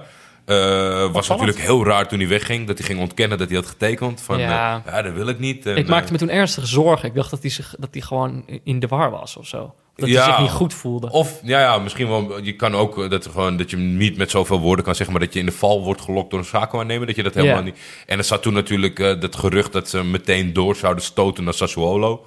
Ja. Dat is ook wel zo van dat je denkt van... Ja, precies. Ik dacht van, oh, dit, wordt, dit is gewoon klaar met die carrière. Ja, maar dat is een beetje dat als RTL 4 ons wil aantrekken... en dat ze dan zeggen, ga maar eerst een paar jaar warm draaien bij RTL 7. Dat je denkt van, ja, dit is niet, eh, dit is niet waarvoor we zijn gekomen. Maar het, het, het gaat dus goed met hem. En hij heeft een doelpuntje gemaakt. en zo eh, de Ajax bijdrage, want het was op aangeven van eh Arik Milik. Hm. Ik vind het wel leuk. Ja, ik weet nog dat hij ging en dat ik toen dacht, de enige kans die ik voor hem zie... is dat Dries Mertens het daar ook heel goed doet. En dat er dus kans ligt voor kleine dribbelaars, weet je wel? Dat is het enige Ja, wat ja, ik maar ja, dat, dat, dat- daar hebben ze nog wel een paar van. Dus dat Ja. is, wat dat betreft was het een, eh, een perfecte Maar, eh, transfer. Ik, ik gun het hem van harte. Eh, ja, deze heb ik opgeschreven, maar ik zit een beetje in de knoop met wat ik er nou echt van vind. Ik zag een stuk voorbij komen over dat de licht verwacht niet dat hij meer gaat opleveren dan Frenkie de Jong. Ik denk, ja, wat- ik vind het een gekke vraag. Waarom stel je die vraag? Ja, ik denk, weet je wat ik... Ik denk ook, ik denk dat daar ook die... die waar, waar zag je deze headline? Eh, hij stond op vu.nl, Ah, ja. maar er werd, eh, ge- er werd in schuin gedrukt dat het van de Instagram van Ajax kwam. En dat kon ik niet zo snel terugvinden. Nou, ik, ik denk namelijk, ik denk dat het gewoon eerder is. Er wordt hem zo'n lollige vraag gesteld. En je, je kent de licht inmiddels een beetje. Hij, stelt al, of hij geeft alleen maar gewoon. Hij heeft waarschijnlijk geen zin om hier een antwoord op te geven of om hier serieus op in te gaan. Dus waarschijnlijk, de vraag was dan zoiets van: hey, eh, eh, denk je dat je meer geld gaat opleveren dan, eh dan Frenkie de Jong? En dat hij dan zegt: Ja, ik denk ook dat hij niet zo'n zin had om daar antwoord op te geven. Maar ik bedoel, waar, inderdaad, wat, wat, wat boeit hem dat nou ook? Toch? Ja, nee, bedoel, dat, dat, dat is toch, dat is toch Ajax' niet zo relevant eh, aan. Ja, ik, ik, ik snapte er weinig van. En ik dacht, ik, ik ga het met je delen. Wat ik ook echt per direct met je wilde delen, is dat ik van mijn stoel viel. Dat de, de beste wissel ter wereld, Jasper Sillissen, dat hij ineens een mening had. En hij wilde volgend seizoen weg. Hij wil gaan verkiepen. Ja, hij heeft het nu officieel kem- be- bekendgemaakt. Ja, nee, mijn ding was altijd, altijd als er een wedstrijd eh, en, en Ziggo ging er echt naartoe, gingen ze altijd Jasper Sillissen interviewen. Van, eh, nou, het was weer mooi hè, vanaf de eerste rij eh, om Ja. dat allemaal mee te maken. en het ging, altijd stellen ze de vraag van, maar wil je nou niet zelf eens een keer keeper? En dan was het altijd van, nee, ik, ben ik train hier op heel hoog niveau en ik heb het ontzettend naar mijn zin. snap ik op zich wel. Dat is natuurlijk ook als keeper zit je ook in een gekke positie als je tweede keeper bent. Dus, maar ik, ik had eigenlijk al. Ja, maar in de tussentijd keepte hij gewoon goed bij Nederland zelf al. Dus de Ja. interesse moet geweest zijn. Nou is er natuurlijk wel een cirkeltje ontstaan van keepers die aardig kunnen keepen. maar, ja, moet ik zeggen, Nou, maar ik denk dat het eerder. vijf, zes topclubs hebben echt een veel betere keeper. Voor de rest kan hij toch eh, kan hij wel redelijk op plaatsen terecht. Wat Ja. zou jij een goede stap vinden? Ja, dat weet ik niet zo goed. Ik maar ik denk dat het tegelijkertijd ook een beetje link is, omdat. Hij heeft inderdaad gewoon wel goed gekiept in de wedstrijden die hij keepte. Maar hij heeft ook gewoon niet zo gek veel gekiept. Dus dat... me- dat Ben je bang dat hij een se- seizoen niet meer aan kan? nou, nee ik, nee, ik denk dat, dat het hij dan vier wedstrijden zegt, jongens, kappen. Nou, ik denk dat het eerder is dat, dat, die, dat de sceptisch al gauw heel groot kan worden. Dus dat dan zoiets van, nou, we krijgen de reservekeeper van Barcelona... en de eerste keeper van, eh, van het Nederlands elftal. Ja, dat wordt echt top. En stel, je maakt dan, je grabbelt twee keer in de eerste paar wedstrijden. Ja. En, eh, en dan gaat iedereen al meteen al zeggen... Zo van, zie je wel, hij zat niet voor niks altijd al op de bank bij Barcelona. Ja, maar, maar daar moet je toch wel een beetje maling aan hebben. Denk in ieder geval als, als Sillissen zelf. Want dit, dat, wat jij nu zegt, dat is gewoon een probleem van hedendaagse beleving van voetbal. Ja. Laatst heb ik me nog daar... Ik, ik, ik weet niet meer wat het was. Toen moest ik daar ook aan denken. Oh, dat was De Gea. De Gea is denk ik in de, in de, in de, in de rommeltijd van United... de enige stabiele factor Ja. die af en toe ervoor zorgt dat ze niet helemaal afgaan. Een hele goede keeper. En die heeft nu een paar keer een fout gemaakt. En dan krijg je van die opiniestukken van... Dit, ja, Moet hij weg? Kutkeeper, Ja. nooit kunnen keeper. En het is een schande. En eh, hij wilde eh, pronken met Real Madrid. Nou, ga maar als ze je nog willen hebben. En dan volgende week in de redding van Europees voetbal maakt hij twee fantastische reddingen. En dan schrijft diezelfde persoon schrijft dan gewoon op van... fantastische keeper, de enige Ja. United waardig en dat soort dingen. Dus dat is gewoon Maar wel nu jij- een beetje de beleving. Maar wat zou jij een goede plek vinden voor Sillissen dan? Eh, poeh. Ik denk... Hmm, waar zijn ah, die- Ja, Joris. Misschien Spurs? Ja, zoiets toch. Ik, nou, ja, terwijl ik tegelijkertijd zoiets heb van hij moet gewoon lekker naar een topclub gaan. Toch? Ik bedoel, hij moet dat ook gewoon bewijzen. Ja, nou ja, maar ja, wat, waar kan je dan heen, Peter? Ja, ik weet- eh, ja, ik Real, weet niet. Real Madrid heeft er inmiddels vier gekocht. waar die gewoon het voor elkaar krijgen om Courtois tot een slechte keeper te laten lijken. Ja. Die Kepa zit bij Chelsea.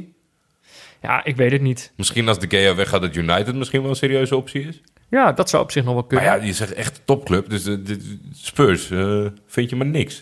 Ik weet het niet. Ik weet eigenlijk niet waar die heen moet. Ik weet het niet.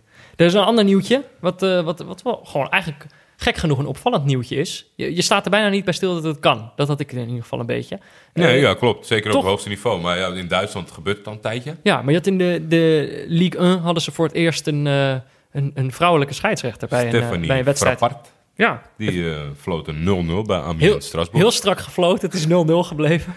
Nee, ja, eh, maar wat ik zei, het is eigenlijk gek dat het een verrassing is, toch? Ja, en toch heb ik met dit het idee, ondanks dat er nu meer dan ooit eh, een vergrootglas ligt op arbitrage, Ja. dat als ze dit gewoon een beetje steady aanhouden, want ik weet dat ze natuurlijk in Duitsland een paar ik denk dat dit niet nooit echt een issue gaat worden. Dit Nee, moet ze gewoon rustig, gewoon mocht er een kandidaat zijn, nee, ik ben altijd van mening Ja, dat de.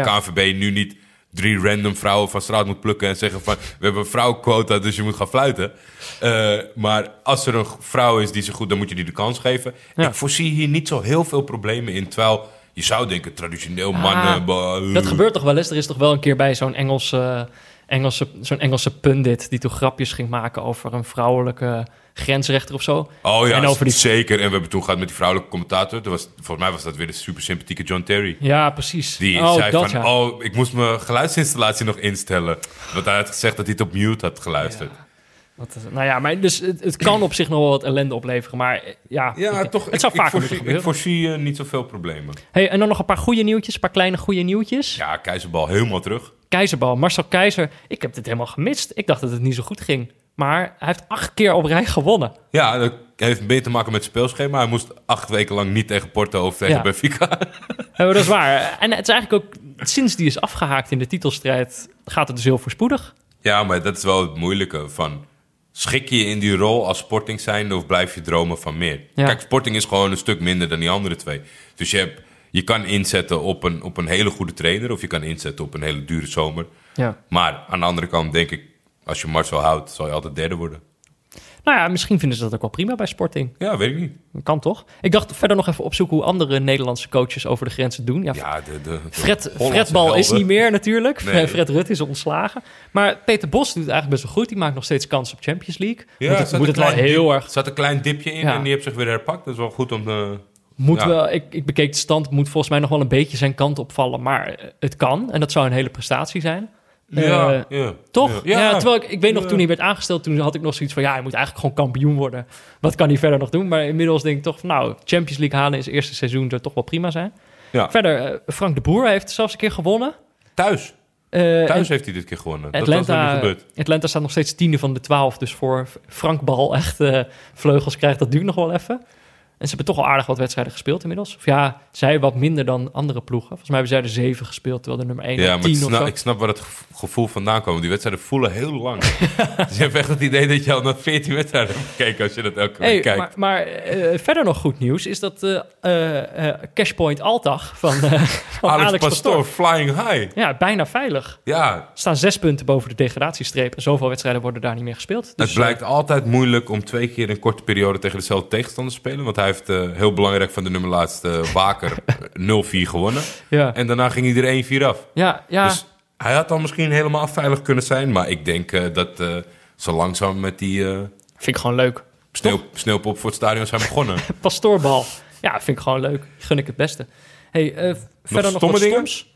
Ja, ik had, eh, nou ja, ik had een, er zijn natuurlijk altijd al stomme dingen, maar het stomste vond ik eigenlijk, en het speelt ook al wel langer, Mhm. eh, is dat de Primera Division wil graag de Spaanse Supercup gaan spelen. Of de, ik weet niet of het de Primera Division is, maar de, de Spaanse Bond La Liga. wil graag eh, de Spaanse Supercup gaan spelen in Saoedi-Arabië.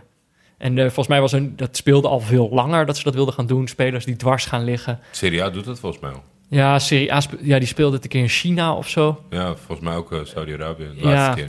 Maar het is, ik ik denk, kijk, waarschijnlijk als je een, eh, een, een, een kampioenschap gaat verkopen als bond, dan is waarschijnlijk de Supercup de makkelijkste. Het is maar één wedstrijd. Wordt over het algemeen het minste Ja. waarde aangehecht. Maar ik vind dit zo, het is zo kut. Ik hoop niet dat het een soort toekomstbeeld is van hoe, hoe straks al die wedstrijden gespeeld gaan worden. Want als normaal persoon kan je dan toch, stel je, je wint als kleine Spaanse ploeg, win je de beker. Nou, dan heb je dat al meegemaakt. Dan mag je ploeg ook nog eens naar de Supercup. En dan kan je daar niet naartoe, omdat het in Saoedi-Arabië is. En, je omdat je gewoon- een vrouw bent. Nou, bijvoorbeeld omdat je een vrouw bent of omdat je eh, een vliegticket niet kan betalen. Dus ik vind het zo. Ik bedoel, het is inderdaad. Nou, het is, het is, Het is praktisch gezien is het heel, is het heel stom. En moreel gezien is het al helemaal verkeerd om het in Saudi-Arabië te doen. ja, dat ben ik eh, vo- volledig met je eens. Je gaat toch Maar niet naar een land waar Bert van Marwijk bondscoach is geweest, Jordi? Dat je Nee, nee, nee dat denk, ik denk dat je dat ook zeker niet moet willen. Maar het, het, het grootste probleem is dat er iemand... de- Er zijn mensen bij La Liga die... En daar heb je in Nederland heb je ook... eh, weet je, die hebben we het wel eens over gehad. Die... eh oh, hoe heet die nou? Woerts. Chris Woerts, dat is zo'n marketing eh. Oh ja. Die hebben allemaal van die meningen van... Ja, in Nederland... de- de- weet je, dat, van die hele kort door de bocht zogenaamde berekeningen en dat soort dingen. En bij La Liga willen ze ook al een hele tijd een competitiewedstrijd Ja. in het buitenland Oh, het, afwerken. ja. ja. nou, Ja. dat is toch wel echt dat je denkt van... Wat, wat jij nu zegt is natuurlijk heel vervelend met de Supercupje en dat soort dingen. Ja. Daar kan je in het moderne voetbal nog tegenaan komen te lopen. Maar dat iemand het idee heeft in zijn hersenen om een competitiewedstrijd... dus dat jij een seizoenkaart hebt voor de, de komkommers van Leganes... en dat je denkt, dit weekend, eh, dat sta je, is Hè? er niemand. Spelen ze zijn, uit? Ze zijn in Miami. In Miami. Maar Ja. dat, dat kan toch echt niet? Ik geloof wel dat alle teams tegen zijn. Maar iemand die blijft dat proberen. Nou ja, en dat is- maakt je competitie kapot op den duur. Want de eerste keer dat je dit accepteert... dan volgt er nog veel meer bagger. Ja. En het is dan ook, die, die, misschien kun je het als supporter niet betalen, maar voor die kleine clubs is dat toch ook een, eh, een strop? Nou ja, ik vind het echt, ik vind het zo bizar. Sp- Speel dat gewoon in je eigen land, joh. Toch? Ja. Vond ik stom. Stom nieuws. Stomme La Liga. La Liga. Ehm, Ja, dan rest ons nog één dingetje. En daar hebben we dus de wedstrijd van volgende week. En daar hebben we tegenwoordig dus een, eh, een eh, speciale curator voor. ja. hij heeft weer wat dingen een opgestuurd. uitze- Uiteenzetting geweest. Zaterdag om 8 uur is het Penarol tegen Nacional. Ja, ik moest even kijken welk land dat ook alweer is. Uruguay. Uruguay. En, eh, En niet zomaar ploegen, toch? Nee, nee, nee, nee, nee. Dit is wel een, eh, een heet gebakerd potje met eh, veel eh, topspelers in het verleden die ze hebben opgeleid. Luis Suarez, Lodero, Pereiro en natuurlijk Alvaro Recoba. De Ja. man die corners in één keer erin kon schieten. dus dat is wel iets eh, wat, zou wat, kunnen. wat mijn box tikt. Zondag om vier uur is er een krakertje in het koude Kopenhagen. Kopenhagen krijgt Brumby IF op bezoek. Deense competitie hebben we nog niet, ook nog niet gedaan. Nee, maar... Ik zie jou, er staan... Kijk, hij stuurt ook altijd tekstjes bij de wedstrijden. Ja. Een soort korte aanbevelingen. En ik weet niet of dit voor Jordi een aanbeveling is... dat bij Kopenhagen tegenwoordig Nicolai Boylissen en eh, Victor Fischer spelen. Niet mijn twee favoriete ex-Ajaxiden ooit. En daarnaast is Damandoy ook nog eens een, een niet zo leuke spits om naar te kijken. Die Sowieso, de Deense competitie, ik weet niet hoe, hoe, hoe leuk dat wordt. Ik Nee, vermoed dat we hier niet heel enthousiast ik, van ik, zijn. Hij spreekt me niet heel erg aan. Maar zondagavond om 9 uur s'avonds is het Europa League time. Europa League time? Ja, Om 9 uur op zondag? Ja, de Afrikaanse Europa de League. Afrikaanse Europa League. Nou, ja, het is gewoon... Het is niet de Champions League van Afrika, maar die competitie daaronder. ja, Ja, En daar zitten wel eh, grootmachten van weleer. Dat is een beetje herkenbaar. Ook in, in de Europese Europa League zie je van die topclubs die dan via dat, die weg een beetje proberen op te krabbelen. Ja. En in dit geval eh, is er een kraker tussen Etoile du Sahel uit Tunesië tegen Zamalek uit Ja. Egypte. Ja, daar moest ik ook even graven welke landen dat precies zijn. Maar eh, ja, we hebben natuurlijk nog geen, eh, geen Afrikaans competitievoetbal gehad. We hebben Nee, een, eh, eh, een eh, kwalificatie voor de Afrika Cup gekeken. Congo tegen Democratische Republiek Congo. Maar ja, die ploeg heb ik eigenlijk nog niet gezien. ik, ik heb een voorkeur voor de warmere landen van dit rijtje. Nou ja, hij lijkt me ook wel leuk. Mocht je, mocht je dit nou luisteren en zelf ook nog een tip hebben. Ik bedoel, dat, dat kan natuurlijk ook. Ja, ja, ik heb deze week op Twitter ook een paar voorbij zien komen wat Ja. heel handig is. Mag altijd. Maar dat kan je dan natuurlijk mailen naar neutralekijkers.gmail.com. Als je nog rectificaties hebt, dan kan dat natuurlijk ook. Nou Jordi, we gaan het zien, toch? We zien wel. Zeker. Ik, ik denk dat we gaan voor Etoile du Sahel tegen Zamalek. Dat lijkt me wel wat. Daar ben ik wel benieuwd naar. Hopen dat er, eh, dat er weer een publieke omroep is die gratis eh, streams online staan. Eh, net zoals deze week. Zal wel fijn zijn. Ehm, voor nu was dit Neutrale Kijkers. In samenwerking met de Dag en Nacht Media natuurlijk. Veel dank aan Auto.nl. Eh, veel dank ook aan VI Pro. Eh, eh, dank aan Pieter Zwart voor zijn diepteanalyse van de werkvloer. Aan Barry Pirovano voor de schitterende illustratie. Laurens Collet voor de gegenpressing jingle. En natuurlijk aan Studio Cloak en Leon Lischner en Friends voor de muziek. Eh, ik wil natuurlijk ook eh Fik nog bedanken dat hij zich, eh, hij heeft zich aardig koest gehouden. Ik denk toch? dat hij slaapt. Denk je dat hij slaapt? Oh, dan, oh, denk je dat hij slaapt? Misschien wat zachter. Ehm, maar Maar eh, nou, hij heeft zich heel koest gehouden. Ja, nee, eh, keurig. Ik, eh, hij heeft de hele tijd naast me gezeten. nee, hij, hij werd even jengerig toen we gingen beginnen. Ja, ja ik, dat ik kwam binnen en... Aandacht, eh, mannetjes. Het hij aandacht. en dan ziet hij ineens dat er twee microfoons op tafel gaan. Hij denkt, waar is die derde? nou ja, eh, eh, zoals ik al zei, mocht je nog wat in willen sturen, dat kan natuurlijk altijd. Je kan eh, mailen naar ons met gmail.com. Je kan Jordi of mij ook bereiken op, op Twitter.